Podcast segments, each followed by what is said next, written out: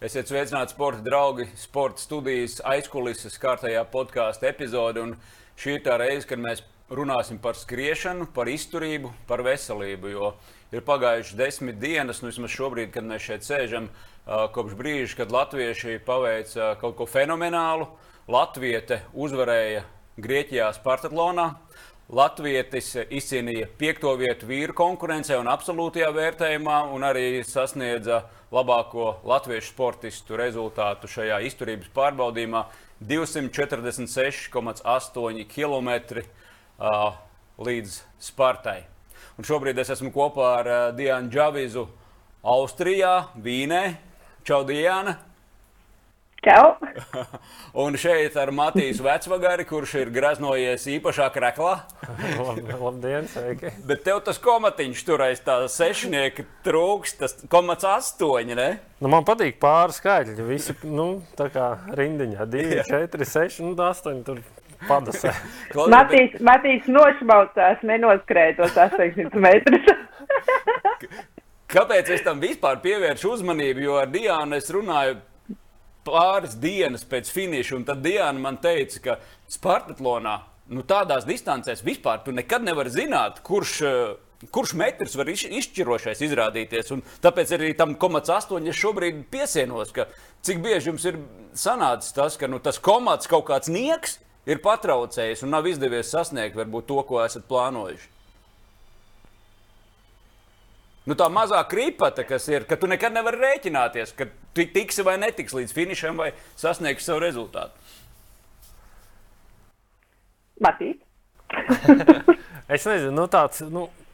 Tik traki varbūt nav bijis, ka ir komata. Aiz komata, jā. Aiz komata un tad viss. Bet nu, ir kaut kādās situācijās, tiešām, kad tu esi trasē un liekas, varbūt viss baiga labi, viss ir rožaini, bet priecāties nedrīkst. Jo, nu, var jau būt, ka ir palikusi aste, bet nu, tā aste vienalga ir jāpārkāpj. Nu, ir, ir, nezinu, kā Diānai, bet, bet, bet jā, ir varbūt pat 10 km, 20 līdz finišam. Nu, citās sacensībās tas ir nu, viss garums, varbūt viss sacensību garums, bet nu, nu, liekas, nu, tas pats pēdējais, bet priecāties vēl tā īsti mm. nevar. Mm. Diana, kā tev? Tavu pieredzi? Esi mērķīga? Um. Pišķīgi. Um, man jāatcerās uzreiz skrej, uh, 24 stundu skrējiens pagājušajā gadā Bernavā, kur es skrēju, kad uh, uh, man bija palikuši aptuveni divi vai trīs kilometri līdz, uh, līdz, tam, uh, līdz rekorda laušanai, uh, līdz tiem 222 kilometriem, uh, kad uh, man sāka krakšķēt ceļi un kad es nesapratu, kas ar manīm notiek. Uh, un ka man likās, ka tā varbūt ir iedoma, bet man vairāk uh, pāris minūšu laikā es dzirdēju, kā man uh, vairākas reizes nokrakšķi viņi. Un tajā brīdī um, tas bija liels atgādījums, atgādinājums, ka uh, kamēr tu neesi noskrējis to nospraustu, tad to nospraustu mērķi, kad uh, nekas vēl nav beidzies. Un, uh, kad uh, to, ko tu esi vēlējies sasniegt, var arī, tu vari arī nesasniegt uh, pāris kilometrus pirms, pirms tā mērķa uh, sasniegšanas. Mm. Uh, jā. Nē, es tādu Diānu jo... par 24 stundām. Es arī pirms diviem gadiem skrēju. Uh, Francijā Diana ar tur skrēja, mēs abi skrējām. Pasaules čempionāts, Francijas arī nu, dienvidos diezgan. Un 19,5 stundas bija. Tad man viss izbeidzās. Degviela vienā brīdī. Viss tā ļoti labi skrēja, skrēja, skrēja. Un vienā brīdī viss. Un es zinu, ka nu, nedrīkst ne īsti apsēsties, kur nu vēl gulēt, bet man tur komanda nolika teltī, guļus, sasēdzes, tur aizmigu un pamodos pēdējā stundā, kad gāja 24. stunda. Tad pamodos. Un zini, jēga vēl skriet. Jā, jā nu man pulkstenis rādīja nedaudz virs 200. Bet no oficiālajos rezultātos man bija 199,5. Nu, nu, es tā, tā precīzi neatceros, bet nu, kaut kas aptuveni puskilo. Tas bija nu, Liekas, nu, nu, pat 200 nav. Nu, liekas, tik tuvu, tik tuvu. Uh, nu, nu, es domāju, mēs te baigi labi esam iezīmējuši. Pat, nav, pat nenoskrēju nieka 200 km. Man, man liekas, tā, tas sarunai toni jūs paši esat baigi, baigi labi uzdevuši. Bet, bet pirms mēs vēl ķeramies pie tās partatlona būtības, tad, uh, Diana, kad mēs ar tevi iepriekš runājām, tev bija kreņķis par to, vai kurpes izdosies dabūt kopā. Nu, kleita tev brīnišķīgi bija noslēguma ballē pēc partatlona. Es domāju, ka tu, tu biji balles karaliene viena, bet kāda bija, kā bija tām kurpēm? Izdevās dabūt kājās uz tām tūznām? Nu, jā, kaut kā izdevās, bet, ja godīgi no tā 41. izmēra 41,5, man bija jāņem kurpes 43. izmērs. Tā kā viņas noteikti noderēs vēl kādai pēc sacensībām, ko uzvilkt kājās. Bet jā, kājas bija pamatīgas ar tām tulznām pēc tam. Tagad trešo dienu staigāju jau ar normālām kurpēm, kamēr tās tulznas nogāja nost pa vīni, staigāju ar iešļūcenēm uz veķiem kājās. Varēja visu mani apbrīnot. Kā vispār ķermenis uzvedas pēc tādas ekstrēmas slodzes, ka tu skrējies diennakti no vietas, noskrējis 220, 246,8 km? Kādas ir sekas, ar ko ir jārēķinās šīs, šīs, šīs desmit dienas, kā jūs esat jutušies? Ēšana, nogurums, kas seko tam? Nu, man bija tīri labi pašā skrējienā, bet pēc skrējiena es jūtu, ka naktī guļot zem nu, ceļa, ikras, pusi ikras uz leju naktī viņš tagad tirpst. Bija sajūta, ka tiešām tā kā pamsts, varbūt ne gluži pa diviem izmēriem, bet nu, tā. Nu, tur kaut kāds šķidrums uzkrājās, lai labāk eļļotos potītes, varbūt arī cēlis, nu, nu, kaut kas tāds. Nu, tiešām organisms rūpējās par locītavām un saražo papildus šķidrumu, lai, nu, lai nodrošinātu to mhm. kustību, eļļošanu, visu laiku potītes. Visu. Nu, tā tāds, nu, tā, tas var būt tāds tā kā manis paša skaidrojums, bet nu, tā sajūta ir tāda, jā, ka nu, guli un jūt, ka kaut kas tur notiek. Mm. Diana, kas tev, ar ko tu esi nodarbojies šīs desmit dienas? Ar pārēšanos. Mans ķermenis sauca palīgā pēc ēdiena, un es šīs desmit dienas mm, pārāk daudz ēdusi, pārēdusies. Un, um, būtībā īstenībā ir tā, ka pēc skrējiena man bija ļoti laba sajūta. Es visu dienu pavadīju laukā, sveicot visus finišētājus, ne visus, bet lielāko daļu. Un um, es gulēju ļoti labi, pārsteidzoši labi tās pirmās naktis. Un tas nogurums iestājās tad, kad es atbraucu atpakaļ uz Vīni. Uh, man šķiet, ka tad arī uh, tas adrenalīns sāka pamest to ķermeni, tad es jutos ļoti, Tālāk, ļoti, ļoti, ļoti nogurusi. Jā, atgriezās. Jā. Mhm. Atgriezās. Jā. Es nezinu, kurā brīdī pazuda skaņa, bet es vīnē jutos sāk, jā. Vīnē, jā, es, es sāku justies um, ļoti, ļoti nogurusi. Um, gulēju vēl aizvien labi, bet bija tā, ka um, pēc trīs, četrām stundām, kad pamodos, um, man vajadzēja iet atpakaļ gulēt es vairs nevarēju funkcionēt kā normāls cilvēks. Un tad es atkal paguļu, pagulēju mājās, un, un tad atkal bija labi. Un tad atkal pēc kādām četrām stundām atkal man vajadzēja iet gulēt. Un, ja godīgi, tad šodien ir pirmā diena, kad es pamodos atkal kā normāls cilvēks, bez tā lielā noguruma sajūtas un bez tās badu sajūtas. Jo es jūtos īstenībā tagad nenormāli tikai pārēdusies. Tas nozīmē, ka ķermenis, eh, ķermenim ir kaut kāda signāla trauksme. Jā. Viņš, viņš domā, ka, nu, ka rīt parīt varbūt atkal liks tie, tie dūlie, dosies dzīsmani uz priekšu pārdabiskos attālumos. Tā izskatās, jā, kad ķermenis ir pat, pat, pats savus signālus un trauksmes sūta, kad, kad uh, domā, ko, ko tā dūlā atkal ar manīm darīs no sērijas. Klau, nu labi, mums te jāvieš nedaudz arī skaidrība. Mēs ar Matīsu atrodamies Latvijā. Diana ir, ir Austrijā, kur jau cik gadus tu dzīvo? Desmit? Astoņi. Astoņus Tagad ir gadus. pilni astoņi. Tu dzīvo astoņus uh, gadus uh, Austrijā, un arī faktiski Austrijā arī esi sākusi skriet. Jā, es sāku, uz, uh, sāku skriet, uh, kad atbraucu uz Austriju. Jā, tā ir taisnība. Mm. Jā. Ko, labi, varbūt beigsim tomēr to tēmu vēl par, par Spartatlonu. Vai var teikt, ka Spartatlons un jūsu šis sasniegums ir ultraskrējējiem nu, kaut kas īpašs, kaut kāda virsotne? Kā jūs raksturotu Spartatlonu, to vietu, ultragaro distanču skrējienu tajā hierarhijā? Nu, man šķiet, ka jā. Nu, protams, varētu sadalīt divās daļās. Viena ir taku skrējiena, kalnu skrējiena. Latvijā vairāk saka takas, no angliski tie ir treili. Bet nu, tad ir nu, starptautiskā mērogā nosaucts ultra trail, tā kā nu, lielie tā kā kalnu skrējieni. Nu, tur centrā ir Monblāns. Nu, skrējiens apkārt Monblānam, un viņi netrūksties skrējieni. Pilna pasaule ir, pilna Eiropa. Nu, ka, ja kādam pa mazu ar Eiropu aizbrauc tālāk, Bet nu, tas ir tāds tā kā tāds, nu, tā tāds olimpiskais, tāds nu, reizes gadā, lai gan Olimpiskās spēles reizes četros gados ir pasaules čempionāts. Bet nu, kaut kā tas, tas tur ir centrā tas Monblāns. Nu, un tad ir šāda tipa skrējieni, kas ir pa asfaltu. Man pat šķiet, ka varbūt nav nu, tik ļoti daudz tie nu, takas. Takas ir kaut kā ļoti moderni un, un, un Latvijā arī stirnu buks un tā. Bet nu, tie, kas ir visādi asfalta skrējieni, garie, nu, visbiežāk tās ir, nu, ja tādas klasiskās distances ir 100 km, 24 stundas, ir 12 stundas, un vēl ir tādas vēl ekstrēmākas, ir, ir pat 6 diennaktis, ir 48 stundas, 2 diennaktis, nu, ir pat kaut, man šķiet, arī 10 diennaktis.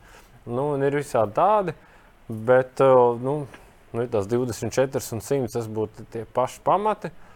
Bet nu, visiem tas centrālais ir Spartatlons, jā, un varēja redzēt arī dalībnieku sastāvu tur no visām valstīm, nu ne no visām, bet ļoti daudzām valstīm. Un, jā, un šogad uzvarēja Mainieks pēc 11 gadu pārtraukuma. Bet, nu, tā, tas ir tāds starptautisks nu, cīniņš. Starp, nu, tur. Jā, bet, bet nav jau tā, ka ir tikai asfalts. Ne? Tikai asfalts nav, bet nu, tur procentuāli tie ir daži procenti tā, tās takas. Mm -hmm. Nu, tā kā, jā. Pie iepriekšējais ātri varbūt piebildīšu, ko, ko mēs ar Diānu. Mums bija trešais finišētājs Dīdis, un es te pastījos tajos sociālos tīklos, kas ir aplikācija Strava, kur nu, dalās ar saviem treniņiem.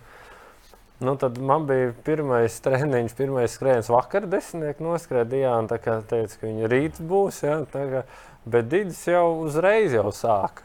Viņš tā kā jau tur skatījos, nu, tur 5, 6, 7, nu, bija jau 10, un bija pat 1, 17 vai cik kilometri. Nu, tā kā ir tā, ka nu, mēs tā ēdam. Dīdis jau skrien. Jau. Dīdis jau skrien, un katru dienu tur nu, ir dažādi. Nav tā, ka Nu, mēs tikai ēdam, bet ir arī citi, mm. kas jau skrien. Bet varbūt viņam labi, man grūti kaut ko spekulēt, bet es skatos arī nu, rezultātos, ka Dīdzis tomēr septiņas stundas lēnāk skrēja nekā, arī, arī nekā Diana. Tad varbūt tas organisms nav tik izsmelts. Varbūt, varbūt ka tur kaut kādas rezerves mm. palikušas. Ir, jā. Iespējams. Klau, labi, vēl par tiem sasniegtiem rezultātiem. Diana uzvarēja pēc Matīs vecvagara sniegtās informācijas. Es tev uzticos. Ceturto ātrāko laiku vispār sieviešu uh, šo, šo sacensību vēsturē. Diana to vispār bija piefiksējusi. Tev tas ir svarīgi? Uh, man to pateica pēc tam. Jā, nē, nu nē. To, to nevarēja nepiefiksēt, jo visi tā runāja. tā tad Diana. Jā, lieliski. Wow. Nu jā, protams, 25 stundas, 24 minūtes, 25 sekundes. Matīs skrēja 24 stundas, 49 minūtes un 18 sekundes. Tā tad sanāk, nu, jā, nepilnu stundu ātrāk. Tur noskrēja nekā Diana. Jā, nu mēs runājām, mēs nākamajā dienā, tā bija jau svētdiena, tur ir Spartā. Ir tāda plāksne, kur viss uzrādājis ieliek iekšā. Tur ir Wikipēdijā redzams, mēs vēl salīdzinām, vai sakrīt vai nesakrīt. Nu, mēs ar Dienu runājām, kad izrādās, es esmu vienu minūti bijis lēnāks par ātrāko to sievieti. Polieti Patricija, kas ir jāšanas treneri un gadu ziņā virs 50. Man tā šķiet, viņa nu, mm. ļoti nu, ņipra, nu, izturīga dāma. Un tagad bija, nu, pat pagājušajā nedēļā bija skrējiens apkārt Balatonam 220 uh, km. Viņa tur uzvarēja pārliecinoši. Nu, jā, un tad Diana izteicās, ka vajadzēja skriet ar mani, un tad vēl vienu minūti ātrāk, un tad viņai būtu tā kā nu, pirmais rezultāts, nevis ceturtais. Bet, nu, kā saka, pēc kara viss gudrībai mēs tik varējām pasmieties, jo nu, iepriekš mēs tā nebijām pētījuši tos rezultātus, ka ir viņa teica ceturtā un ka pirmā tikai. Nu, Ja man bija 48, tad jā, tu varēji viņu, viņu uzvilkt pašā Olimpā, vispār vēsturē, vai ne ierakstīts partetlona tajā. tajā. Bet, nu, kas ir jau gal galā Dienai, šis bija pirmais skrējiens, tev bija kurš? Otrais. Otrais pēc septiņu gadu pārtraukuma, Jā. un vispār taustas. Es nezinu, vai Diana, tagad, tu, tu, tu Diana nojaukt, cik viņš nomet no sava rezultāta no kopš pirmā. Jo, tas desmit stundas. Desmit stundas paņēma no rezultātu. No nu, jā, nu, vēl tur kaut kādas minūtes. Bija virs 35 minūtēm, divas vai fu, 3-5 stundām, divas vai trīs minūtes. Bija smieklīgi. Mēs atpakaļ ceļā ar komandu, kas mums bija atbalsta komanda. Domājam, jāprāt gaismā to, ko viņi redzēja tikai tumsā. Un tad pie tā kalna lielā, nu, kas ir daudz visur pieminētais, satikām amerikāņus. Un tad viņi mums stāstīja, ka esot viens tāds čels, kurš pa desmit stundām uzlabojas. Mēs tur smējāmies. Tas par tevi. jā, jā, jā, jā. Amerikāņi bija, un tad mēs aprunājāmies. Viņš tur organizēja vienu pasākumu. Es teicu, nu jā, nu, es tā kā pie organizēšanas esmu Latvijā, Rīga, Valmiera. Un, un viņi tur sasolīja atbraukt uz Latviju. Teica, ka viņiem interesē Rīga redzēt amerikāņiem. Klau, nu, Matīsam bija septiņi gadi pa vidu. Diana, kā tu skaties uz savu nākotni? Vai, vai palika tās, nu, es nezinu, vai desmit dienas ir pietiekams laiks, lai gribētos atkal, bet nu, kāda tev ir sajūta šajā ziņā? Kas tas par jautājumu? 2022. Viss jau ir saplānots, jā. Noteikti. Ne, nu, Diana ar savu rezultātu var startēt pat bez loterijas.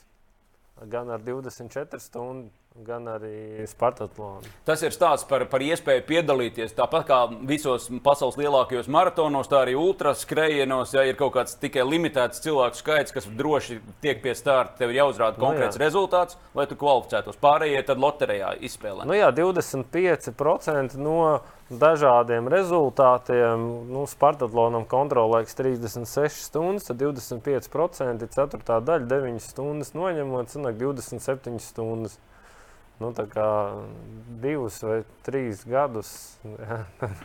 mm. nu. Izskatās, ka dzīve Dienai jā, daudz nemainīsies. Ja nu vienīgi neliks, neliks klāt vēl, vēl uh, liels apjoms. Klau, kā, kā ir ar tiem punktiem?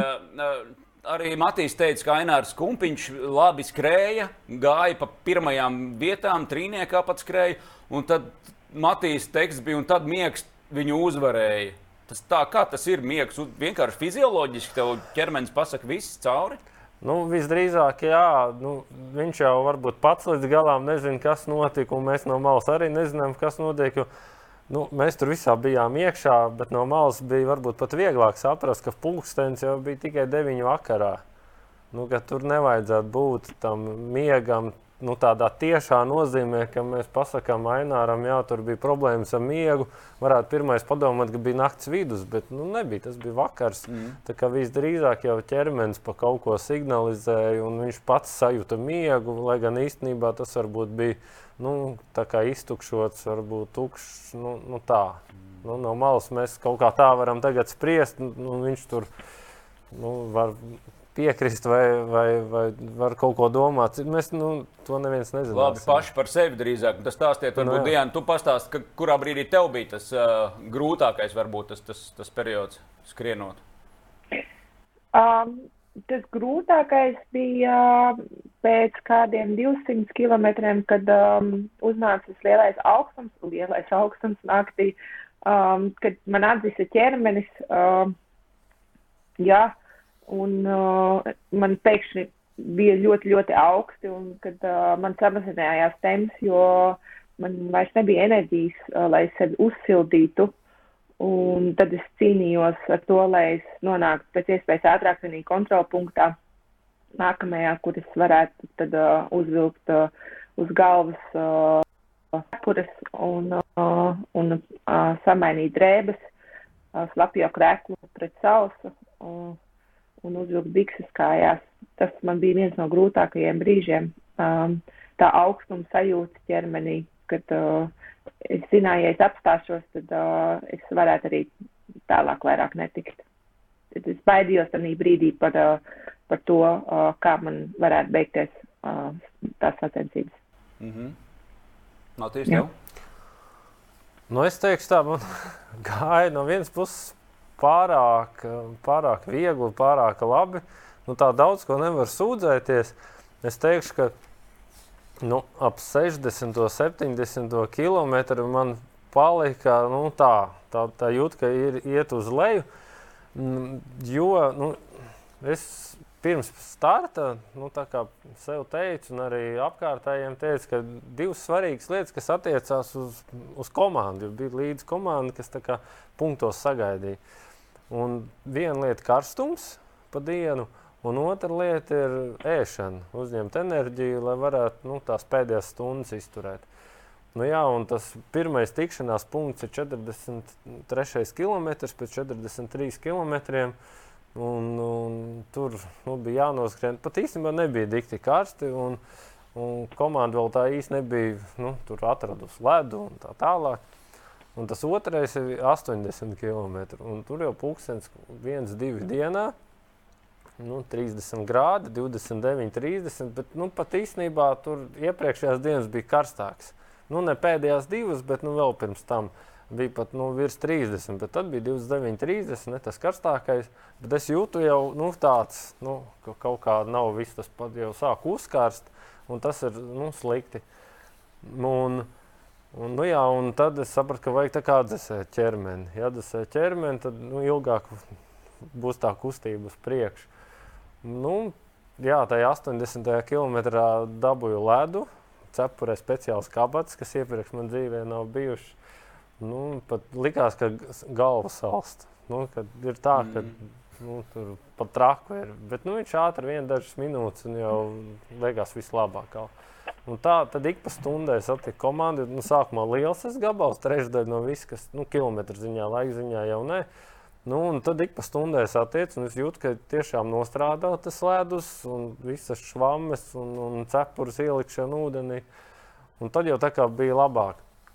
Nu, tā otra lieta bija par ēšanu, kad nu, jau tas temps krītās, un, un, un, nu, un tad jau var vairāk uzēst un tā. Un sākumā jau viss ir tādi ņipri un ātri, tad tur mazāk sporta žēlējas un tā. Bet pēc tam jau vajag dabūt iekšā kaut ko grīķus, makaronus vai -hmm. vēl tur kādas banānas. Nu, es uzskatu, ka komanda tik ļoti labi galā. Tur nu, es apstājos. Nu, ēst jau īsti negribās, bet pats jau es iepriekš viņiem teicu, jums kaut ko jādabū man iekšā, lai, es, nu, lai nenostājās. Vienā brīdī vienkārši apstāsies tā kā pret sienu. Jā. Nu, jā, un tad uh, man likās, ka, ka viņi tika ļoti labi galā un tāds lūzums baigais nebija. Bija tas, ka no, tēmas ļoti kritās. Diana arī teica, ka tēmas kritās. Uh, Un tad es domāju, nu, skatos, pulss ir zems. Nu, man viņš jau tāpat tas maksimālais man ir zems. Nu, ļoti zems salīdzinot, un daudz nu, nezinu, apbrīno. Nu, es biju uz Olimpisko vienību vasarā, un man tur pie 153 teica, ka beidzēs jau tests, jau beidzies. Jau. nu, un, un tā, Un, un daudz kaut ko komentē, tur arī sociālos tīklos to manu pulsu, bet nu, es tur saku, jāskatās ir pret, pret to maksimālo, un tad varam procentuāli runāt, un tad jau varbūt tās nemaz nav man tik maz. Neskrienas atpūtas režīmā, citreiz jau es diezgan arī tā ņiprāk paskrien. Bet nu, tagad es skatos nu, tiešām arī pret uh, to savu maksimālo, nu, zem simta, nu, nu ja maksimālais 153 Nu, tad nu, ir tā, kā gribētos pacelt, tur varbūt tur 110, nu, nu, nezinu, 120 jau liktos pa daudz, priekš tik garas stundas jau pagājuši. Un, un, jā, un bija nakts, un pirms tam septiņiem gadiem man bija rūkta pieredze, kad ir pirms tā kalna, tā kā pārējais, tur jābūt piecos no rīta, piecos un desmit minūtēs. Es ierados piecos un divās, un tur bija astoņas minūtes palikušas pāri. Un ja pēc astoņām minūtēm izrauja ārā visus tos stepseļus un laika ņemšanas iekārtas, un brīvs var mhm. tālāk var neskriet. Un tad, jā. un ir pagājuši divas trešdaļas, 160 km. Un tā, un tagad uh, es biju nevis piecos uh, no rīta, bet es biju tur desmitos vakarā. Nu, septiņas stundas ātrāk es tur biju. Nu, jā, un, un, un es nu, tā uzskatīju, ka man jāskrien diezgan plikam. Nu, kā Diana teica, kaut ko uzvilkt. Es tieši nu, skriešu diezgan pliks vienā tēkraklā, un temperatūra brīžam tur rādīja 5-6 grādus pa nakti. Nu, tad man tā šķita jau pēc finiša, ka ja būtu kāda aciņa, uzvilkts, tad varbūt es būtu saglabājis to sportisko niknumu.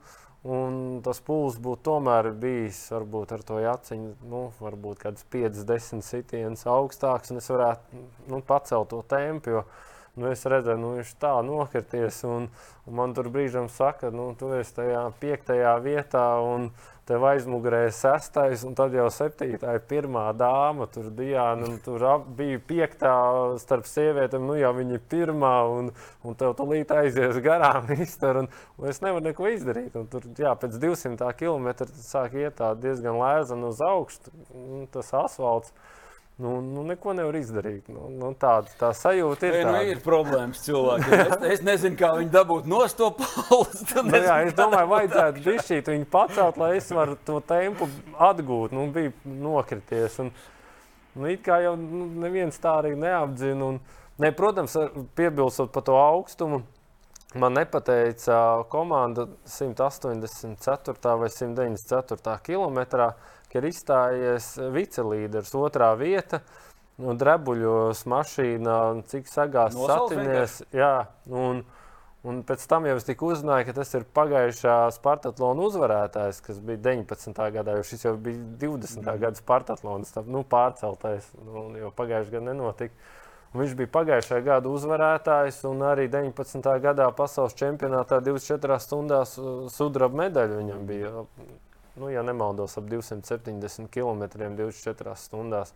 Nu, tāds spēcīgs, nu, viņš tur nu, drebuļos. Viss mm. pasākums beidzies. Nu, varbūt labi, ka nezināja. Varbūt morāli tev ietekmē. nu, jā, tā es zinātu, jau nu, tas tik spēcīgs un tā, un, bet nu, ar to augstu. Un, jā, nu, kā, man likās, reizes stundā es satieku komandu, tāpēc es riskēju. Ja es, nu, likās, ja paliks augsts, tad. Nu, Klau, nu, labi, tā, tā arī nedaudz jāievieš skaidrībā, ne, ka ir, ir šie skrējieni no, no sākuma līdz finišam. Tad ir laika skrējieni, kur no šajās 24 stundās jūs skrienot, kurš vairāk noskrien. Tā, tā ir tāda specifika. Bet, Diana, es tev gribētu arī jautāt, cik vispār daudz tu pievērs uzmanību sāncenšu kaut kādam tempam, laikam, vai to vispār tik garā distancē, nu, kurā brīdī var atļauties to vispār darīt, vai tikai jāskatās, kā tu pati jūties? Kāda ir tava taktika? Uh mana taktika ir skriet savu skrējienu un neskatīties, ko citi dara. Jo es jau, paš, man jau pašā sākumā, uh, kad es ieskrēju 43. Uh, kilometrā, man tika teikts, uh, kur es, kurā vietā es esmu. Es teicu, tas man īsti neinteresē. Um, jo pirmkārt, sacensības vēl bija pašā sākumā, un otrkārt, uh, es zināju, ka uh, es skriešu savējo tempu, Uh, un es neļaušu sev vilkt uh, pārējiem līdzi, uh, jo es nevarēju uzsākt sacensības tik augstā tempā kā visi pārējie. Es zināju, ka um, sev nobeigtu augš, augšstilbus un kad uh, man sacensības būtu um, pēc tam droši vien visātrāk ātrāk arī beigušās. Um, es biju nospraudusi savu mērķi skriet tajā tempā, kādu es skrēju. Un man, viņš, man viņa arī izdevās uh, not, noturēt to tempu. Tā kā es esmu ļoti apmierināta un uh, es neskatījos īsti, kur ir pārējās meitenes uh, līdz brīdim, kad es sev priekšā redzēju Noru no Somijas. Tad es sapratu, ka uh, es laikam esmu kaut kur pacēlusies tajā vietu mm, sadalījumā, jo Nora ir ļoti spēcīgs uh, skrējēji. Un tajā brīdī, tajā kontrolpunktā, es arī savam atbalstam pajautāju, mm, kā izskatās, kas man ir priekšā un kas man ir aizmugurē. Un tad es sapratu, ka es varu cīnīties uh, par pedestālu, uh, un, uh, un es arī par viņu tad arī cīnījos no tā brīža. Klau, ka, kas ir tās lietas, uz, vai, vai tie, tā distance vai laika nogrieziens, uz ko tu fokusējies kaut kādā nu, skriešanas periodā? Nu, vai uz, nezinu, kilometru, nākamie desmit vai tikai uz katru nākamo soli? Kā tas mainās, lai saglabātos tas, tas fokus un tā, nu, kā sevi uzmundrināt, kā piespiest sevi turpināt? Kā mentāli strādāt ar um, sevi distances laikā? būtībā es nekad nedomāju par to uh, distanci kā 246 km, uh, tāpēc, ka uh, man tas liekas ļoti, ļoti daudz, un uh, aizvien nesaprotam, kā var cilvēks kaut ko tādu noskriet. Um, es skrienu, un es priecājos par uh, to, kas man ir apkārt, un par katru notiskaitot kilometru. Un tad, kad man paliek jau grūtāk, tad, kad es jūtu, nu, kad es esmu nogurusi, jā, tad es skrienu no kontrola punkta līdz kontrola punktam, un tad es vienmēr priecājos, ka kontrola punktos ir cilvēki, ar kuriem es varu par, mazliet parunāt, pasveicināt un pateikt paldies, kad viņi mums palīdz. Un skriet tālāk. Un es vienmēr koncentrējos uz tiem nākamajiem 4, 5, 12, 17 kilometriem. Līdz es atkal kādu satikšu. Par balvu nākamās dienas Bet... nedomā, ka būs ka kaut kāda liela balvu galā, ja tas ir pārāk tālu, lai par to domātu. Tas ir pārāk tālu, un, ja es būtu domājis, tad man nebūtu jāskrien pa Grieķiju un jāmeklē sev vakarklēs un kurpe. es būtu labāk gulējusi pludmalē un sauļojusi sevi. Matīs, kā tev ir ar tiem maziem nogriežņiem, kas ir tavā galvā? Jo, man liekas, tas tomēr ir nu, milzīgi. Tomēr tā, tā cīņa tiek izcīnīta arī šeit. Šoreiz es tā nejūtu, bet jā, to, to mēdz darīt. Nu, ka, piemēram, ir 15 vietās satiec savu komandu, bet nu, nevarētu tā teikt, ka es tiešām tā skrēju. Lai gan es zināju, ka nu, es stundu noskriešu, viņi tur būs. Bet nebija tā, ka nu, tagad nu, es noskrienu šitos te, un tad es atkal domāšu par nākamajiem. Kaut kā skrēju un izbaudīju. Protams, tā distance ir briesmīga. Es pirms tam biju nedēļa apmēram, un es pat rasu paskrēju. Nu, gribēju atsvaidzināt atmiņā, tur tās tumšākās vietas, tās stāvākās vietas, gribēju noskriet. Un es skrēju, un bija nu, 33, 34 grādi saulē. Man pat tur rādīja 38, 39. Nu, jo, nu, es neesmu ēnā, es skrienu saulē, man rāda tādu temperatūru. Un es tur stundu skrienu, visbiežāk, nu, es tur vienreiz skrēju pusotru, bet tā visbiežāk bija kaut kas ap stundu. Nu, katru reizi, kad es finišēju, man liekas, tas nav iespējams. Nu, ka, nu, pēc nedēļas man jāskrien sacensības, man liekas, tas, mm. es to nevaru izdarīt. Nu, tā, Nu, man pat likās, ka psiholoģiski pat ar mīnusu zīmi, ka es esmu noskrējis to stundu tajā karstumā. Likās nereāli noskriet 20 uh, stundas. Nu, labi, karstumā nav tur jāskrien 20, bet nu, vai 10 vai 8 stundas karstumā, vēl pēc tam naktī. Man bija sajūta, ka tas nav reāli. Un, un, ja man atbalsta komandā vēl bija Sigita, kas ir noskrējis pirms diviem gadiem, nu, nu, mēs saprotam, ka nu, tā ne, nevar būt, ka šī to var noskriet. Jā, nu, tas ļoti motivējoši. jā, jā, jā. Bet tad, kad ir tas starts, kad tur stāv tie 300 cilvēki un tur aizskrien un tu redz to priekšā baru, kas aiznesās. Es pat arī nesapratu. Man 112. man liekas, tas bija tā piektā tikšanās reize, kad man pasaka, tu esi piektais. Es domāju, ne, nu kā šī tā piektā reize, kad mēs tiekamies, vēl desmit tiksimies. Nē, tu esi piektais. Es domāju, nē, nu kā es biju. Nu, Nu, tā kā klusībā domāju, nu, varētu varbūt desmitniekā ieskriet, bet tas varētu būt pēc 200 kaut kur pie beigām. Bet nu, ne jau pat vēl puse, nu, tuvu pusē bija. Man pasaka, jo es pat nejūtu, ka es esmu tik daudz apziņas. Es atceros, kā startā viss aizgāja tāds, nu, šodien Diānai tāpat bija. Nu, ka priekšā tādu strīpu ar cilvēkiem, tāds, tāds plats nogrieznis ir priekšā. Un, Nu, šad un tad varbūt kādu apzina. Bet, nu... bet sanāk tā, pēc tevis teikt, ka tev faktiski mentāli bija krietni vieglāk nekā tu biji iedomājies. Ka tās sacensību garas tev uzvilka, tas pūlis, tā strīpa ievilka jā, jā, jā, tev to jā. domāšanu un visu. Un tad jā, jau skrēju. Un, protams, es arī tā kā Diana skrēju savā tempā. Man pat bija jā, ka vienā brīdī man aizskrien garām, nu, nezinu, 115, 120 km bija aiz muguras tā, tas čehu čalis Radeks, kurš vienmēr ir bijis trīniekā. Nu, pirmo reizi viņš, kas skrēja, viņš nebija trīniekā, bet tā kaut kādas trīs, četras reizes, cik viņš ir bijis, viņš vienmēr ir trīniekā. Viņš aizskrēja man garām, es domāju, ka nu, kaut kur apmaldījies. Viņš man arī pasaka, jā, kaut kādas tur pie 80 km, kur mukais uh, Korīnas kanāls, līdz 2,5 km noskrējis nepareizi. Nu, tāds ar pieredzi. Nu, bet nu, viņam tāds temps, nu, skaidrs, nu, ka viņš ir nu, top 3 čalis un aizskrien. pagāja kaut kāda, nezinu, 10, 15 km. Es jūtu, ka tā nav viņa dienas, atkal viņa kaut kur pamanu. Nu, pie, pie, un, nē, nē, nu, nu, viņš tā kaut kā tā mierīgi skrēja. Man, man bija kaut kāds pacēlums, vai kā, un es viņu apdzenu. Nu, jo, nu, katrs skrien tajā savā tempā, nevar otram pielāgoties. Ja viņš man ir apziņas, viņš man ir apziņas. Pēc brīža kaut kā sanāca, ka es viņu apzinu. Nu, nu, kaut kā nu, tiešām pievien, pievienojas teiktam, ka katrs iet savā. Mm. Nē, nu, tas man liekas, ir ārkārtīgi interesanti. Jo nav, nu, tik gara distance, tad tu nevari. Netūs par saviem spēkiem līdz galam zini, kurā brīdī tev nāks tas lūzums, kur nu vēl pa pārējiem. Man liekas, mēs ar Diānu to jau arī runājam uzreiz pēc, pēc Spartatlona, ka tu nekad nezini, kurā punktā kurš atrodas. Pat par sevi tu lāgā nezini, kur nu vēl pa cāncenšiem, kurš tev aizskrien garām vai kuru tu apdzen. Tev bija tādas situācijas, kad domā, kas te notiek.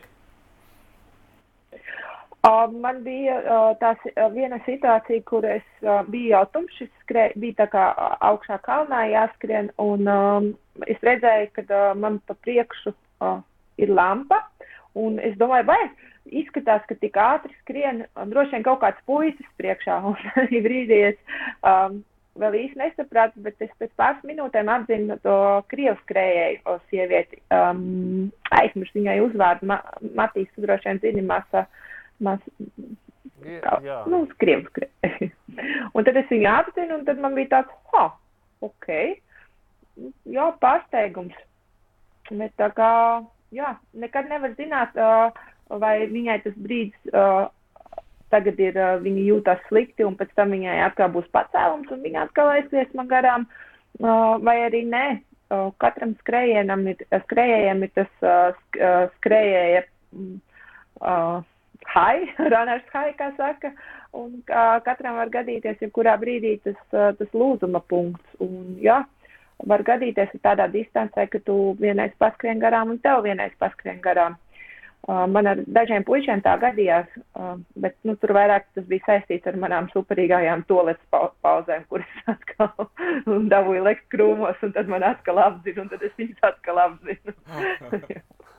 Labi, par to līdz pauzēm varbūt detalizēti nē, bet, uh, nē. bet, bet par puišiem un meitenēm gan. Nu, man liekas, tā ir ļoti interesanta tēma. Un, un jūs tagad varat eh, mēģināt pierādīt vai apgāzt, nu, kā ir, kad cilvēks tuvojas šim nu, maksimālajam izturības slieksnim. Tad uh, sieviete un vīrietis, nu, konkurētspēja, ko jūs esat novērojuši. Nu, Mēs jau arī teicām, nu, Diana bija septītā ātrākā absolūtajā vērtējumā. Nezinu, cik simt vīriešu palika aiz viņas gan šajā skrējienā, gan daudzos citos, kuros tu esi piedalījusies pēdējo gadu laikā, kad šis straujais progress ir bijis. Uh, Matīs, kā tu uz to skaties? Sieviete jau nostājoties startā blakus, tikpat labi var būt tev, vai ne? Sācens par jā.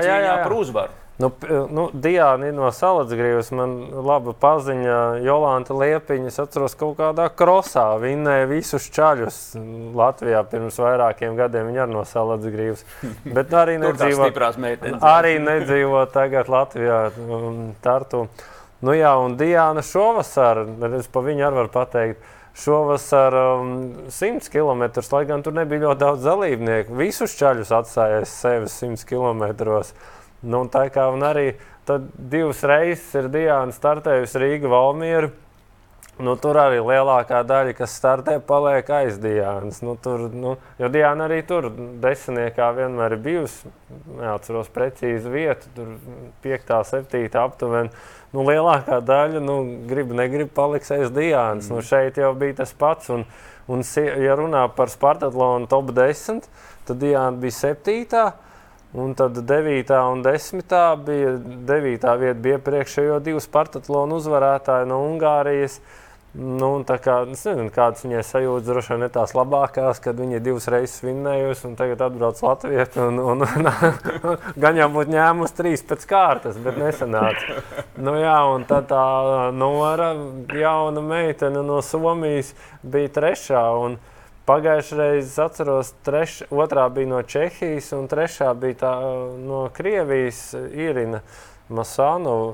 Man šķiet, viņi, ko mēs te runājam, kad nekad nevar zināt, kas un kā. Es atceros, pirms diviem gadiem viņa līdz 200 km bija līderis sieviešu, un pēc tam nācās palikt trešai. Un šoreiz Diana stāstīja, kā viņa tur pie kalna viņa apzina.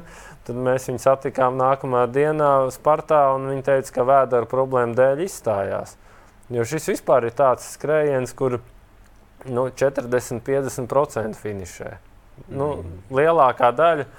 Nu, tomēr startā mēs redzam, ka visi ir spēcīgi, tur ir izpildījuši kvalifikācijas, ir trenējušies. Uh, un gatavojušies, ir atbraukuši, ieguldījuši daudz laika un tādu citādāku veidu resursu, un, un ir spiesti nu, pārtraukt tās sacensības. Nu, nu, ir visādi. Mm. Un arī Monblānā šogad um, pirmās trīs sievietes bija top 20 starp vīriem.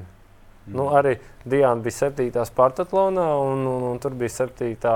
bija kopvērtējumā sieviete, un vēl divas bija 20. Jā.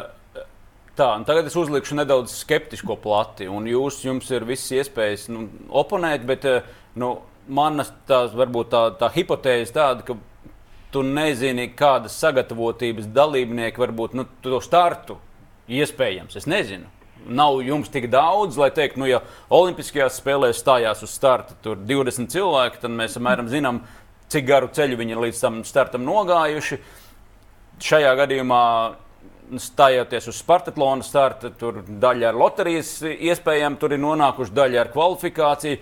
Nu, tad tu nevari zināt, nu, lai runātu par sievietes un vīrieša spēju grieztiem. Vai tā ir vai nav, vai tomēr jūs turētos pie tā, ka jo garāka distance, jo tiešām vienādi trenēta vai no apjoma ziņā trenēta sieviete un vīrietis, viņu spēki izlīdzinās. Kāda ir nu, Diana tava hipotēzi droši vien pierādīt, tu droši vien arī nevari zinātniski to tagad un tūlīt, bet kāda ir tā tava sajūta?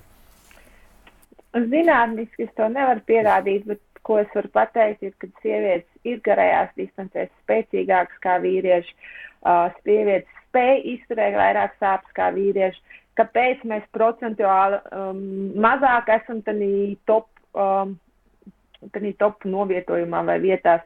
Tāpēc, kad uh, procentuālā piedalās arī maz, daudz mazāk sieviešu tādās garajās sacensībās kā vīrieši, jo sievietes vienkārši neusticās saviem spēkiem varbūt tik ļoti daudz kā vīrieši. Um, nav tik daudz ultraskrējēju sievietes kā vīrieši, bet es domāju, ja viņi uh, izlīdzinātos 50-50, uh, kas piedalītos tādās sacensībās, tad noteikti, kad sievietes. Uh, sievietēm ir ļoti liela iespēja uzvarēt uh, vīriešus.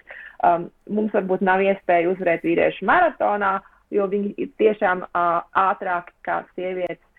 Bet uh, ultramaratonā es domāju, ka tā, sorry, mēs esam spēcīgāki.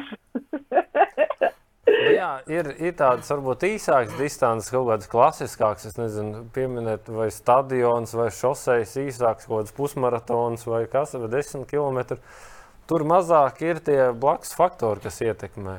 Nu, vai tur kādas vēdera problēmas? Nu, protams, arī var būt tajā pusmaratonā. Ir redzēts briesmīgas bildes, tur kaut kādas šausminošas, kā cilvēki ieskrien finišā pat pusmaratonā. Bet, nu, idejas tur ir mazāk tādas kaut kādas, nu, kas var ietekmēt uh, laika apstākļu. Nu, tur vairāk tas ir. Tagad runā par ārējiem apstākļiem. Jā. Bet, bet Diana, man liekas, spiež uz to, ka nu, kaut vai pa gludu taisnu vienādos apstākļos asfaltu, jo garāka būs distance, jo sievietei vairāk iespējas uzvarēt. Jā, bet nu, saku, to pastiprina arī tas, Protams. ka ir, ka ir kaut kādi. Matīs, atzīsti, atzīsti vienkārši, ka mēs varam izturēt vairāk sāpes. Mēs varam nē, nu izturēt vairāk tādu kā vīrieši. Es, es jau nesaku, nē. Jā, un bet, ultramaratons ir stāsts par sāpju izturēšanu. Jā, jā, jā.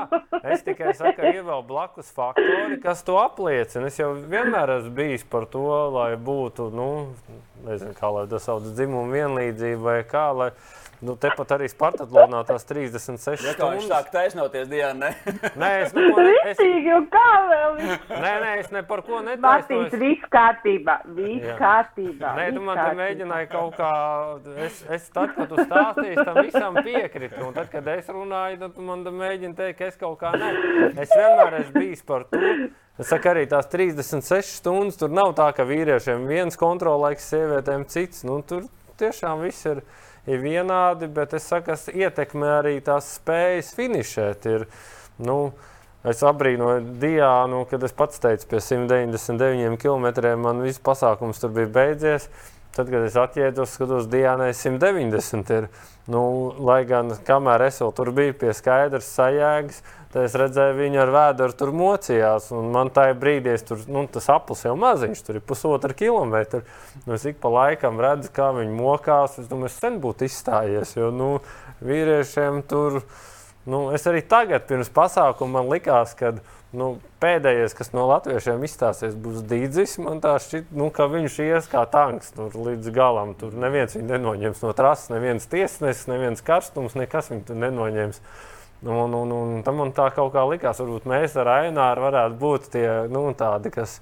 Jo es esmu vienreiz finišējis, domāju, nu, man vajag to finišu, man vajag kaut kādu rezultātu, es aizbraucu, un tā es varētu arī kādā brīdī izstāties. Nu, nu, nu, nu, otrs, kas man likās, nu, ka Diana, nu, ja es toreiz redzēju, ka viņi tur ar vēdru mocījās un tik līdz 190 km, es tas sen būtu padevies. Nu, tas viss tas tā ir, jā, sievietes viņas nepadodas. Mm. Viņas, nu. Kaut pat tas, tu stāst par skrie, skrējienu pa apli. Ja, tas ir tāds. Jā, nu, tās 24 stundas. Tas ir vispār, vai... es, es nezinu, kā to var arī nu, mentāli. Nu, nu, nu, kā, kā jūs tur nes, nesavaraties? Nu, totāli, par ko jūs domājat, skrienot pa apli? Nu, kas ir tie piesaistes punkti, lai, lai nu, pavisam neaiziet ciet? Nu, ir cilvēki, kas man liekas, nav skrējuši kaut ko nu, tādu no malas pasaules. Nē, nu, tas nav nopietni. Tu, Tas nav Jā. iespējams. Tas ir ļoti nopietni, bet nu, tas nav iespējams. jā, nu, nu, tas nav reāli. Bet, bet tad, ja tas ir skriets, un man liekas, ka nav tik traki Dienā, jo man ir lielāka pieredze. Tur, nu, Papu, Daudz lielāka man nav. Nē, nu kā Papu tu noskrēji? Tur... Jā, ir forši. Un tai pašā laikā var noskriet no vienas puses līdz otrai. Jā. Tās ir savādākas emocijas. Tā ir atkal savādāka veida skriešana. Bet paplis skriet tās visas emocijas, kuras tu piedzīvo ne tikai ar sevi, bet ka tu redzi, kā citiem iet. Um, ļoti labi var vērot citus, cik viņiem iet grūti, cik viņiem iet atkal labi, uh, kā visi priecājās viens par otru, kad viņam iet atkal labi. Uh, jā, man liekas, tik, tik liela emocija gama kā skrējienā piedzīvot no citiem to kopības sajūtu nemaz nekur citur nav iespējams, kā tikai ārpus skrējienā. Jā, es te pusi no visas mm. Spartatlona nevienu skrēju neredzēju. viens pats skrēja. A, tur redz gan tos, kas ir ātrāki pa tevi, gan tos, kas ir lēnāki. Visus redz. Jā. Nu, protams, Jā. tas ir interesanti. Protams. Un arī tur redz, kā viņi ir svaigi, kā nu, tādi nu, startējuši. Tur redz, tas, nu, ka viņš tur staigā, ka viņam ir bedra, ka ir lūzums un, un ka viņš ir augšām cēlies. Nu, tur visu redz. Mm. Klau, labi, man liekas, jāķerās mm. pie tās, eh, nezinu, par, pie, pie jūsu ceļa līdz šim un pie veselības tēmas. Man liekas, tas droši vien daudziem arī, kas, kas šausminās, vai brīnās, vai priecājās par jums, tomēr arī, arī noteikti interesēs. Nu, Diana, varbūt sāc ar to savu klasisko stāstu. Kā tu sāki un kas tu biji tajā brīdī, kad tu sāki vispār skriet, kad tu pirmo reizi uzvilki skriešanas čības kājās? Nu, es biju tāda apaļīta kā tagad. nu, nu. um, es daudz, daudz, daudz uh, smēķēju, vairāk kā paciņu dienā. Smēķēšana tā bija mana kaislība.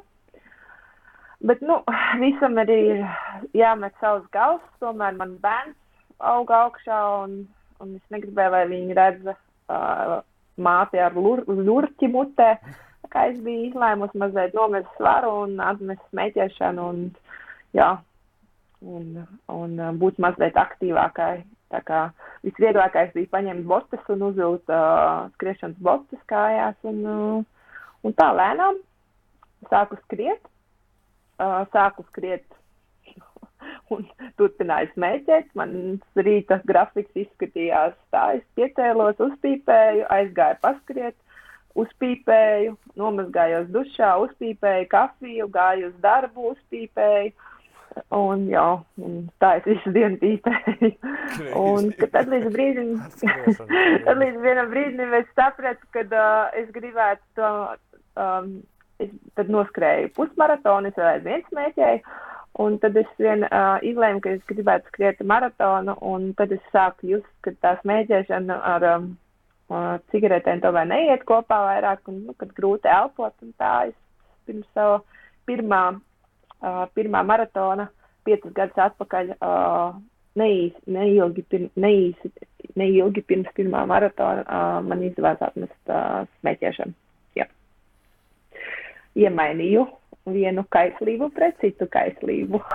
Nu, jā, te droši vien psihologiem būtu ko ar, arī par tām kaislībām. Tu ļoti precīzi domāji, arī to noraksturoji. Bet nu, kurā brīdī sāk augt tās distances? Nu, nu, ir kaut kāds brīdis, taču, nu, kad, kad apstāties, tu noskrien vienreiz maratonu, daudz nu, vairums cilvēku nu, jau noskrienot, jau tas ir sasniegums, bet nu, paliek pie tā maratona. Kāpēc tu pie tā neapstājies? Kā tev sāk augt garumā tās distances? Uh, tas man uh, distance sāk augt garumā īstenībā diezgan da, dabiski.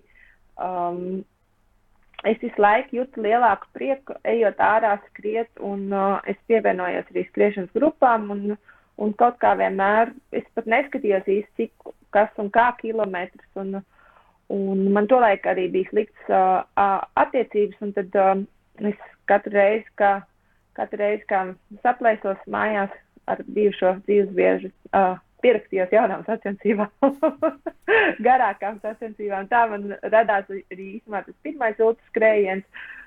Tagad atceros, kā es toreiz pierakstījos. Un, un tā es vienmēr kaut kā dabiskā veidā sāku skriet vairāk un vairāk, jo es jūtu, ka es arī varu vairāk skriet. Un es nekad negāju uz ātrumu. Es tiešām gāju vienmēr tikai uz izjūtām, lai, manam, lai man ir labi, manam ķermenim. Un, uh, jā, un tā es, tā es esmu sev vienmēr kaut kā, es pat ne, īsti nezinu, man liekas, um, uh, tie, tie pirmie, tie 24 stundu skrējieni, tas, tas, tas man tāpat jāpasīsam, ir, jo pēc pirmās Rīga Valmieras Matīsas man uzreiz pajautāja, vai es negribu startēt um, komandā Latvijas izlases 24 stundu skrējienā, un es, protams, pirmā, ko pateicu, bija jo. un, uh, un, tā, un, jā, un tā sākās man tie apskrējieni, un vienmēr vairāk vairāk. Un kaut gan man jāsaka, ka es pēdējos uh, divus uh, gadus, kopš man ir treneris, um, es, uh, man tie kilometri ir vienmēr uh, treniņa apjomā kritušies, um, jo manam, mans treneris iet pēc devīzes uh, mazāk ir vairāk. Un, un kas arī man ļoti labi, man, manai veselībai ir palīdzējis uh, ķermenim, jo man vairs nav tik daudz traumu, kā man bija sākumā. Jo es, kad uzsāku skriet, es, protams, uh, nesapratu, uh, ko es savam ķermenim, kādas lodzi dodu. Un, um, jā, es sev pašlogoju, es droši vien, ka tos pirmos gadus, uh, 2017. gadā es sāku tā multidistancēm, pirmos gadus uh, pa daudz skrēju savam uh, priekšā ķermeni, uh, viņam pa daudz lodzi devu, un tāpēc man visu laiku bija arī traumas. Un tagad pēdējie divi gadi man uh, salīdzinoši ļoti, ļoti daudz labāk iet. Šodien arī nu, pirms šīs sarunas ar jums es aprunājos ar sporta ārstu Mārtiņu Pulveru, kurš ar gargabalniekiem uh, uh, arī strādā un šiem arī droši vien daudziem no, no jūsu kopienas. Tad viņš teica, ka tā ir tā lielākā problēma šīs specializācijas amatieriem, ka viņiem vienmēr šķiet, ka katrā treniņā sevi ir nedaudz jānogalina ka, ka jāprot, tas ir tas, ko tu saki, ka sākumā pārāk lielas distances, pārāk daudz slodzes, ka pēc katra treniņa tev ir jājūt, ka nu ir bijis tas bezmaz vai beigu punkts gandrīz sasniegts. Tā ir problēma. Nu, dažreiz jā, bet uh, man jau šķiet, ka visbiežāk vajag noskriet tā, lai ir tā sajūta, kas varētu vēl tikpat noskriet. Nu, treniņā. Nu, ja, piemēram, nu, es skrienu desmit, tad tagad tas desmit ir beidzies, kas jau es varēju vēl mhm. desmit mm. noskriet, vai noskriet 20, es varēju šodien īstenībā 40. Bet, nu, nezinu, reizes septiņās dienās vai reizes desmit dienās jau kaut ko vajag arī tādu garāku, nezinu, tur 30 vai cik. Nu, tad jau diez vai ir tā sajūta, nu es šodien varēju 60. nu, kaut kā, jā. Bet... Cik, cik ir jūsu nedēļas uh, kilometrāža kāda? Nu, kilometrāžu, nezinu, 120, 130 km. Bet es tā vairāk rēķinu uz stundām, kad 10, 11 stundas nedēļā. Jā, jā bet nu, virs, virs 100 km nedēļā. Virs 100, jā, bet to nevar tā uzreiz. Jā, tas ir tā pakāpeniski. Diana, kāda tev? Man ir, man ir līdzīgi, man arī ir virs 100 km nedēļā. Un, uh, šogad, man liekas, vairāk par 140 arī nebija. Es tā tam īsti nesakoju līdzi, jo es uzticos savam trenerim. Man pašai bija sajūta, ka ir pa maz, ka pa maz bija, bet uh, kā, kā rezultāts uh, redzams, nekas nebija pa maz. Viss bija tieši tik, cik bija vajadzīgs. jā. Nu, nu jā, nu tad nu jūs esat cilvēki kuru droši vien dzīves asis, ja tā var izteikties, ir tomēr tā skriešana. Protams, jums abiem ir darbs, kur jūs ikdienā strādājat, bet nu, arī šodien pat arī vēlreiz atcaucoties uz, uz, uz doktoru Mārtiņu Pulveru, viņš saka, ka tajā brīdī, kad tas apjoms sasniedz 70 km nedēļā. Nu, protams, tur var droši vien runāt stundās, izteikt un dažni dažādi. Viņš saka, bet tajā brīdī, ja tu esi nu, jau pāri 50 km, nu, tev faktiski tavai dzīvei ir jārit ap šo ļoti laikietilpīgo un prasīgo hobiju, ja to tā vispār var saukt, kur ir ēdināšana, miegs, atpūta, ka tas nav. Tas, tas, tam visam jābūt visaugstākajā līmenī, lai tavs organisms atjaunotos, lai locītavas būtu priecīgas, lai, lai nerastos šie daudz arī stresa lūzumi, kas ir uz līdzenas vietas. Kā izskatās jūsu dzīve? Uh, apskriešanu, ne tikai, ne tikai skrienot, un ka gribās vēl un vēl skriet. Cik daudz laika jūs veltat uzturam, atpūtai, tās proporcijas kādas ir? Diana? Es mēģinu o, dienā, o, naktī vismaz septiņas stundas gulēt. Es esmu sapratusi pēdējā, pēdējos gados, kad, kad miegam ir ļoti, ļoti liela nozīme uh, atjaunošanai un labsajūtai. Un lai būtu spēks uh, tālāk trenēties, tā kā minimum septiņas stundas gulēt, uh, tad es jūtos diezgan labi. Jā, un, protams, ka uh, ar ēdienu ir tā, ka uh, es skatos, ko es ēdu, un, un uh, es skatos uh, tā, lai tas ēdiens būtu kvalitatīvs, lai es palīdzētu savam ķermenim atjaunoties. Tā kā jā, man, protams, ka uh, man visa dzīve ir uh, apskriešana ap, ap manu meitu un darbu. Man, jo, daudz nekam citam vairāk tā īsti laika neatliek, bet es teiktu, ka uh, ja to visu dara ar mīlestību un, uh, un prieku, tad, tad, tad arī vairāk neko īsti nevajag. Ne.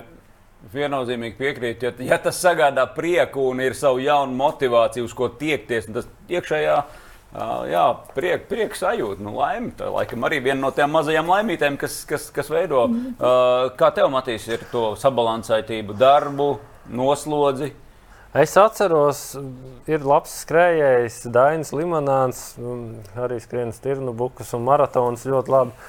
Un viņš kaut kad vienreiz tā izteicās, nu, ka uh, pusotru stundu skriešanai dienā mēs varam atvēlēt, ka nu, pret 24 stundām tā pusotra ja, ir. Nu, nu, nu, ja to mēs varam, nu, tad arī tie rezultāti būs. Uh, Nu, jā, bet kā jau Diana teica, ir ļoti svarīgs tas, kas ir nu, pēc tam, jo tas treniņš jau īstenībā iedzen tā, tā nedaudz uz leju, katrs treniņš. Un pēc tam tas, kas notiek pēc treniņa, tas paceļ augstāk un pat vēl augstāk nekā bija pirms tā treniņa, tā atjaunošanās.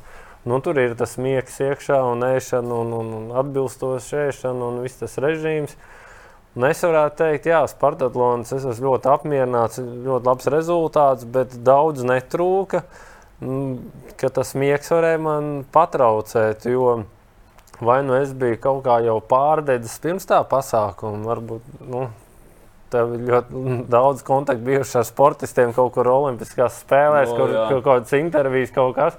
Bet, uh, Nu, es jūtu to, ka um, nu, es centos par to nedomāt. Es centos kā, nu, kaut kādā ikdienā nodarbināt sevi ar citām lietām, bet vienalga man tas miegs cieta. Es nu, zinu, no rīta man nav nekur jāsteidzās, ieeju vēlāk gulēt, varbūt nu, nu, būtu vēlams, nu, nezinu, 10, 11, es ieju nu, 12. Nu, jā, teiksim, pusi. kvalitāte mainās uzreiz. Viņa mainās, bet es domāju, bet, nu, labi, es taču no rīta nelieku modinātāju uz 6, 7, es taču mierīgi varu gulēt līdz 8 vai pat 9. Nu, un, un kas notiek? Notiek tas, ka es pamostos 4, 5, un pēc tam es vairs nevaru aizmigt. Un, un nāca tuvāk. Varbūt sākumā bija tā, ka varbūt tur 6, 7. Bet jo tuvāk nāca tas atbildīgais starts, nu, tur tas pēdējais laiks, es pat nezināju, ko darīt. Nu, es biju jau tuvu tā, ka nezinu, pie ārsta jāiet apmēram. Nu, bija kaut kāds tāds stress. Un tāpēc nu, es esmu apmierināts ar visu to rezultātu. Kaut arī nu, likās, ja Ainārs teica, ka viņš trasē aizmiga, un man bija bail, ka nu, tajā startā, kad tas viss aiziet, nu, tā forša, tā sajūta, nu, beidzot tas ir aizgājis, kad nav iestājies tāds baigais atslābums. Un, Un tad arī kaut kādā brīdī sākšu mikt ciet, un tas viss, kas tur bija iekrājies, atsauksies uz mani. Jo, nu, es nezinu, pēdējo mēnesi vai divus nu, jūtu, ka ļoti agri pamostos un vairs nevaru aizmigt. Mm. Nu, ir kaut kāds stress, ar kuru jātiek galā. Un nu, es jau ne tuvu nejūtos profesionāls sportists, bet ir Latvijā un pasaulē ļoti daudz profesionālu sportistu, kuriem noteikti šitais ir nu, ikdiena. Un gan jau viņiem ir savi ārti, kas ar to kaut kā. Nu, Cīnās, bet arī. Jo citiem varbūt tas, tas skrējiens ir, varbūt tās vai sacensības ir uz dažām minūtēm, citiem vai tur ir nezinu, bobslēgā tur ātri nobraukt lejā, vai tur, nu, nu, tur nezinu, hokejs vai kas. Un viņi tāpat tās varbūt pa nakti mokās ar kaut kādu bezmēģinājumu. Protams, nu, nu, jā. tās ir likmes. Tās, jā, jā, jā, un es kaut kā, es, es nezinu, man likās, nu, kaut kā ļoti labi ar pēc tā visa, ka, jā, ir, it kā tas miegs ir svarīgs, un, bet mēs viņu nevaram tā ieregulēt. Es tagad gulēšu no tikiem līdz cikiem, es tur esmu pamodies krietni agri. Klau, nu, nu, jūs, jūsu ieteikums tiem, kas uh, Nu, labi, vieni tur sapņo par skriešanu, un, un varbūt nekad nesāks skriet, bet nu, ir tie, kas, kas, kas krīt azartā. Un, un tad tie pirmie soļi, kad nu, kāpinot apjomu, no kā piesargāties, lai nebūtu tie, tie, tie stresa lūzumi, traumas, šķībi, greizi, aizies pie fizioterapeita, tur nezinu, no kura uh, gala sākt. Uh, ko likt programmā iekšā, kā, kā ar to strādāt ar sevi? Nu, droši vien jā, ir ļoti pakāpeniski jādara, ja, ja nav tas savs treneris. Nu, saka tā, nu, trīs nedēļas varbūt tās ir tas apjoms, katru ceturto tā kā atpūta. Protams, vēl var likt tur aizvietot, un, lai audzētu locītājus ar riteņbraukšanu, peldēšanu. Obligātais, kas ir, ir vingrošana, ir tā dziļā muskultūra, jo nu, skrienot ir vieni muskuļi, Bet nu, kaut kur iekšā ir vajadzīgi citi. Ja, ja es nevingrotu, nu, tur, nekā, ne, tur nekas labs nebūtu. Tur, jo tomēr tas vertikālais stāvoklis, nu, kaut kā tā pati mugura, viņai jābūt nostiprinātai. Ar muguru neskrien, bet nu, vertikāli tas ir nu, viss centrs apkārt, presīte. Nu, tur ir ļoti daudz jāvingro. Diana, cik daudz laika tu atvēli jā, vingrošanai? Um, aptuveni 6 stundas nedēļā. Vingrošana ir uh, ļoti, ļoti svarīga. Kopš es vingroju, um, un es vingroju pastiprināti kopš koronas sākuma, ja nemaldos, kopš pandēmijas sākuma, es jūtu, ka es esmu kļuvusi daudz stabilāka skrienot. Tā kā vingrošana ir uh, pirmais, par ko domāt, kad uh, uzsāk skriet. Vingrot un ieklausīties savā ķermenī. Es esmu dzirdējis, jā, ka Latvijā ir dažādi garie skrējieni. Un cilvēki piesakās vēl pēdējā brīdī, noskrien, un pēc tam ir trauma un vairākus mēnešus. Mm -hmm. ir, un it kā pat tādi zinoši cilvēki. Mm, nu, jā, ne, nu, neko konkrēti neteikšu, vai kaut kāds konkrēts skrējiens, bet, bet jā, ir. Un tad, ko es vienīgais varu atbildēt, neesmu speciālists. Bet, Bet vai pirms tam ir bijusi tā vingrošana, un viņa ir visu laiku vajadzīga? Tur. Tā viņa ir, ir noteikti vajadzīga. Ja es drīkst piebilst, kopš pēc mana pirmā pusmaratona man bija deviņu mēnešu pauze, jo man bija iekšējā stilba pie gurniem sastiepums, ar kur es netiku galā deviņus mēnešus. Un es toreiz arī biju tikko uzsākus skriet, un es nezināju, kas tas viss ir vingrošana un kā ar sevi tikt ar savu ķermeni galā. Un, un tā kā noteikti es atceros tos deviņus mēnešus kā viens no baismīgākajiem manā visā skriešanas pieredzē. Tas bija grūti. Mm. Kā? Jā, vienīgais, ko es varu piebilst, protams, ka tad tas pirmais liekas, ka nu, pagad, cilvēkam nav jāskrien ne 50, ne 100, nekur vēl 246 km. Kad cilvēks it kā liekas mūsdienu cilvēks, tam vairs Un, un es, es domāju, ka man diezgan daudz taisnības tajā ir, ka tādi, kādi mēs esam, mēs tam neesam. Jo ļoti maz no mums ir pilnībā veseli. Nu, Jā. dabiski, pareizu stāju, funkcionējam tā, kā ķermenis varbūt eh, nu, no radītāja ir plānots. Ja? Mēs esam adaptējušies un sliktā veidā adaptējušies šai ikdienas dzīvē. Bet, bet laikam tomēr sporta speciālists saka, ja tu savukārt esi trenēts un perfekti sagatavojies savu ķermeni, tad tu vari to darīt. Tas nav neveselīgi. Jā, jā, jā. jā. Bet tikai nu, to, to panākt, tas ir milzīgs darbs. To visiem, vai, kas tagad klausās šos trakos emociju, foršos stāstus, to, to ir jādzird un visu laiku sevi ir jākontrolē. Nu jā, un nevajag otru pierunāt uz kaut ko. Viņam pašam jānonāk, ka viņš pats grib skriet Rīgā, Valmiera vai pats grib skriet eh, Spartatlonu. Nu, kad nevajag viņu pierunāt, es redzēju, sociālajos tīklos, Facebook, vai kur ir nu, kaut kāda diskusija veidojusies, un kāds no malas pasakā, noskrien to un to. Nu, es domāju, nu, katram pašam jānonāk līdz tam, kad es to gribu, es uz to iešu, es tam pieteikšos, gatavošos. Nu, nu tā, pierunāt nevajag. Matīs, man liekas, tu esi ģeniāli tiltiņu uzmetis manam pēdējam jautājumam, jo tas man ir uz lapas, protams, uzlikts. Un uh, man, mans pēdējais jautājums jums abiem ir, kas tad ir tajā jūsu vēlmju sarakstā? Kas ir tā jūsu čekliste? ultramaratonistiem, ko obligāti ir jāizdara, un kas vēl ir jūsu savā sarakstā, ir jāizpild. Diana, aiziet! Nestāstīsim. O, man tas saraksts tāds, nē, man viņš ir par lielu. Bet es nākamo, uz nākamo kā tiecos uz maratonu desablis, ļoti gribētos pamēģināt jauna pieredze. Pa, paskaidro, lūdzu, maratonu desablis. Tas ir uh, skrējiens uh, aptuveni 250 km tuksnesī, uh, septiņu dienu garumā, piecu dienu garumā, septiņu dienu garumā. Es nezinu, es esmu noskrējis savu prātu. Vairāku dienu garumā, 250 km. Vairāk dienu. Jā, multistage. Es neesmu pats tajā iekšā nekad bijis, neesmu mēģinājis. Man tas vēl ir tāds kaut kāds nezināmais. Mm, bet tas ir diezgan izaicinoši noskrien vienu dienu. Mm -hmm. Un pēc tam tev ir vakars, naktis pa vidu, otrā dienā nu, tāds stīvs vai kāds vai pusstīvs. Ir atkal starts. Un varbūt tās tiek, es Jā, pieļauju, un... es neesmu nekad tādā startējis. Nu, kad, nu, varbūt tie, kas ir pirmās dienās ļoti izlikušies, tie jau nu, cieši mm. un nevar pēc tam būt ļoti taupīgi. Nu, tur vien stratēģijas tur ir kas... dažādas. Bet nu, es kaut kā neesmu līdz tam ticis, ka ir tās piecas vai septiņas dienas pa posmiem, kad tu naktī guli un nākamā dienā turpini. Nu, tā kā mums savu laiku. Un tev bija. ir jānes viss, viss savs ek, ek, ekipējums, ir jānes viss savs nu, jā, līdzi. Uh, gulēšanai, pilnīgi viss, ēdiens, pilnīgi viss. Alma, kas džungļu maratonu noskrēja 250 km nedēļā, nu, tas kaut kas arī līdzīgs pa posmiņiem, tas 250. Eh, nu, protams, ir arī Kanārijas salās nu, nu tuvu 300 km, kur nedēļu un pats plāno, cik tu gulēsi un cik tu skriesi. Tas ir nedaudz savādāk. Arī Monblānā tur ir tā pavisam lielā distance, ap 300 km un 30 000 augstumetriem, kur tu pats izdomā, kurā brīdī tu guli, kurā tu ej. Bet nu, šitie multistage, jā, tāda daudz dienu ir tāds. Nu, Nu, tāds. Es neesmu mēģinājis. Man liekas, šis Spartatlons ir tas jau robeža, ko var tā kā vienā. Mm. Nu, kur starts un finišs. Kas tev motivē Diana tajā?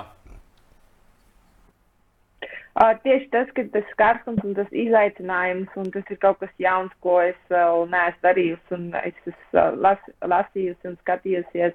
Um, stāstus par to skrējienu, un viņš ir tiešām ļoti, ļoti grūts. Kā, o, jā, un tas, kad ir visam jābūt sev līdzi, tā ir liela plānošana. Arī balvas plētē. Man liekas, ka tie, kas. man liekas, ka tur var bikīni ņemt līdzi. Bet, jā. jā, tas ir man uh, liekas, tas kaut kas uh, ie, atkal to neiespējamo izdarīt iespējamu, tas izaicinājums. Jā. Labi, Matīs, tālāk, liste. Nu, nav nekas tāds īpašs. Jau šķiet, ir tā, ka ir kaut kādi sapņi, un ja, bail viņus tā baigi apdomāt, jo vienmēr piepildās. Nu, nu, savu laiku jā, nu, bija tā doma, nu, jāskrien tur Monblā, nu, jāskrien Spartatlonā. Tas Spartatlons ļoti strauji nāca. Nu, tur dažos gados, nu, tas 14. gads bija tas pirmais, kad mēs latvieši tur aizbraucām, un pirms tam bija nu, 21 gadu. Neviens tur nebija bijis, nebija ar ko aprunāties. Un tā, un tagad no tā 14. Nu, katru gadu kāds tur viens vai divi vai trīs nu, tur startē. Nu, un, Tad man tā likās, nu, kā, nu, ļoti strauji viss jau ir sasniegts, bet nu, tā vairāk ne. Nu, droši vien, ka ir jātiek pār tiem 200 km tajās 24 stundās. Jo nu, tagad Spartaklonā 24 stundās tur bija krietni pāri, mm. tur bija tālu pāri. Bet nu, tādā oficiālā 24 stundu skrejā. Es domāju, ka Diana pēc šīs sarunas tev arī asins ir uzsitusi, ka tomēr tas tev, jo viņi to ir izdarījuši. Jā, nu viņa, viņa jā, malācis, viņa Latvijas rekords nu, ir, jā, nu, viņa 228, jā, nu. nu. Arī 228,96. Nu. Un pir, pirmā reize no 190 uz 228. Jā, nu man no tā 199 ir jātiek. Nu, tur. es jau tā jūtu tādu neklātienes sportisko azartu, forši. Ka... mēs jau tiekamies, mēs jau diezgan tiekamies. Tieši tā.